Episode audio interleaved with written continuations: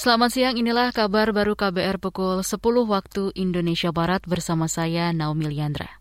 Presiden Joko Widodo Jokowi menghadiri kegiatan vaksinasi untuk jurnalis di Hall A Basket Gelora Bung Karno, GBK Jakarta, Kamis 25 Februari 2021 pagi ini. Jokowi disambut Menteri Kesehatan Menkes Budi Gunadi Sadikin dan juga Menkominfo Joni G. Plate. Vaksinasi untuk jurnalis digelar tiga hari mulai dari 25 hingga 27 Februari 2021. Sebanyak 5.000 lebih jurnalis telah terdata untuk mengikuti vaksinasi. Kita beralih ke berita selanjutnya. Amnesty International Indonesia meminta kepolisian membebaskan orang-orang yang dijerat menggunakan pasal karet di Undang-Undang Informasi dan Transaksi Elektronik.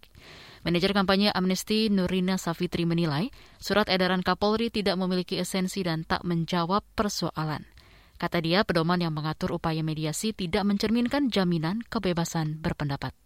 Sebenarnya kalau menurut kami tahapannya bukan mediasi lagi, tapi kalau mereka yang dijerat pakai pasal bermasalah yang undang-undang ITE misalkan pasal 27 atau 28 tuh harusnya sudah dibebaskan saja nggak perlu dimediasi gitu karena orang-orang yang dijerat pakai pasal ini kan sebenarnya mereka yang menyuarakan ekspresi mereka atau pendapat mereka secara damai gitu. Harusnya nggak perlu ada mediasi gitu harusnya mereka dibebaskan aja karena ini bagian dari kemerdekaan berpendapat gitu orang boleh saja mengkritik misalkan dia tidak menimbulkan kekerasan atau tidak menimbulkan tindakan uh, pidana.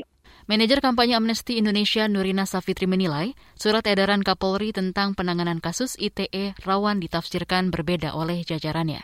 Amnesty bersama Koalisi Masyarakat Sipil tetap mendesak agar pemerintah bersama DPR segera merevisi pasal-pasal karet dalam undang-undang tersebut. Berikutnya, Saudara, epidemiolog menilai target vaksinasi satu juta orang per hari tidak realistis. Ahli pandemi Universitas Griffith Australia, Diki Budiman, meminta pemerintah untuk memperhatikan ketersediaan vaksin, kondisi geografis, dan juga ketersediaan vaksinatornya. Kata dia, pandemi COVID-19 yang belum bisa terkendali dapat mempengaruhi target capaian vaksinasi kalau satu tempat bisa 5.000 itu biasanya di stadion itu ya kalau di luar negeri. Itu berarti kita perlu 200 tempat untuk mencapai satu juta. Dengan berarti 200 kali 300 orang. Itu yang diperlukan Uh, seefisien, seefektif itu. Dan itu tidak mudah. Nah ini tentu apa namanya harus diperhitungkan secara realistis ya uh, target-target ini. Ahli pandemi Universitas Griffith Australia Diki Budiman mengatakan, tidak adanya jaminan suplai vaksin COVID juga akan mempengaruhi target 1 juta vaksinasi per hari. Data pemerintah menunjukkan kemarin jumlah orang yang divaksin bertambah lebih 128 ribu orang. Total penerima vaksin suntikan pertama lebih 1,3 juta orang, sedangkan penerima suntikan kedua berjumlah lebih dari 800 ribu orang. Kita beralih ke berita mancanegara.